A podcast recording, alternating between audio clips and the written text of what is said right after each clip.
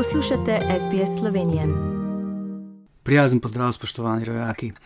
Sedem odličij slovenskih športnikov zimskih olimpijskih iger v Pekingu sicer ni najbolj sveža novica, je pa vsekakor nekaj, na kar velja še enkrat s ponosom spomniti. Tako kot drugod po svetu, namreč tudi v Sloveniji, zdaj že z zaskrbljenostjo spremljamo razmere v Ukrajini. Ministrstvo za zunanje zadeve je v petek že drugič v dveh dneh na zagovor poklicalo veleposlanika Ruske federacije v Sloveniji Timurja Ivazova. Veleposlanika je zunanje ministrstvo zaprosilo, da Moskvi prenese strogo obsodbo ruske vojaške invazije na Ukrajino. Slovenski premijer Janez Janša je za petek načrtoval obisk Kijeva, tudi v luči razvoja dogodkov je zaradi izredne seje Evropskega sveta ta obisk zdaj predstavljen. V Kijevu pa sta sredi izrednih razmer obtičala vladna uslužbenka in varnostnik, ki sta pripravljala ta obisk.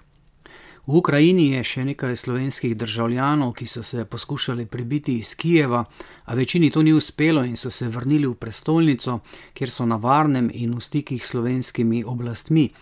Nekdanja ministrica za delo Anja Kopač Mrak pa je v znak protesta medtem vrnila rusko državno odlikovanje, ki ga je leta 2017 podelil ruski predsednik Vladimir Putin za krepitev miru in prijateljstva med narodoma.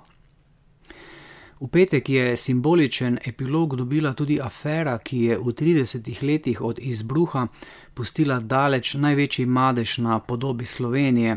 Predsednik republike Borod Pahor je namreč sprejel predstavnike tako imenovanih izbrisanih in se jim opravičil za izbris iz registra stalnega prebivalstva leta 1992. Opravičil se je v osebnem imenu in v imenu države. Toda krivice, ki jih je prenesel izbris, tudi 30 let pozneje, še zmeraj niso v celoti popravljene, prevladuje pa mnenje, da opravičilo prihaja mnogo prepozno. Najbolj kritični komentarji pravijo celo, da s figo v žepu.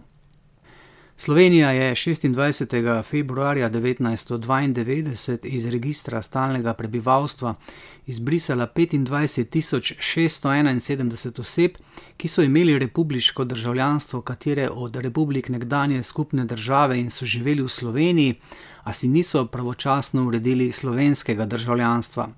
Z izbrisom so izgubili praktično vse pravice, pravico do dela, pokojnine, stalnega bivališča, šolanja.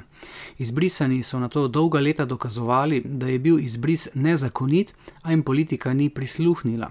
To je šele leta 1999 in na to še 2003 ugotovilo slovensko ustavno sodišče, ki je s tem postavilo tudi temelje za zakonsko ureditev njihovega statusa. Poleg odškodninske odgovornosti države, ki jo je leta 2012 potrdilo tudi Evropsko sodišče za človekove pravice, so si vse čas prizadevali tudi, da bi se jim država uradno upravičila za izbris. Status si je v 30 letih uredila slaba polovica izbrisanih, tisti, ki jim to ni uspelo, pa večinoma živijo v tujini, saj so Slovenijo v letu po izbrisu v stiski zapustili. Očkodninski zahtevek pa je uspelo uveljaviti samo 5777 osebam. Bomo pa vsaj letošnji pustni vikend doživljali za spoznanje bolj optimistično kot zadnji dve leti, saj sproščanje COVID-nih ukrepov organizatorjem dogodkov naposled pušča več svobode. Ptuj, Cerknica in Cerkno bodo večino tradicionalnih pustnih dogodkov sicer izvedli v malenkost okrnjeni obliki, tudi kljub temu prav zdaj po vsej Sloveniji poteka pester pustni vikend tako kot smo ga bili vajeni v preteklosti. To so bile novice za danes, ostanite zdravi in vse dobro do našega naslednjega slišanja za SBS ali Šlednik. Želite slišati sorodne zgodbe? Prisluhnite jim preko Apple ali Google podcasta, preko aplikacije Spotify ali kjerkoli drugje.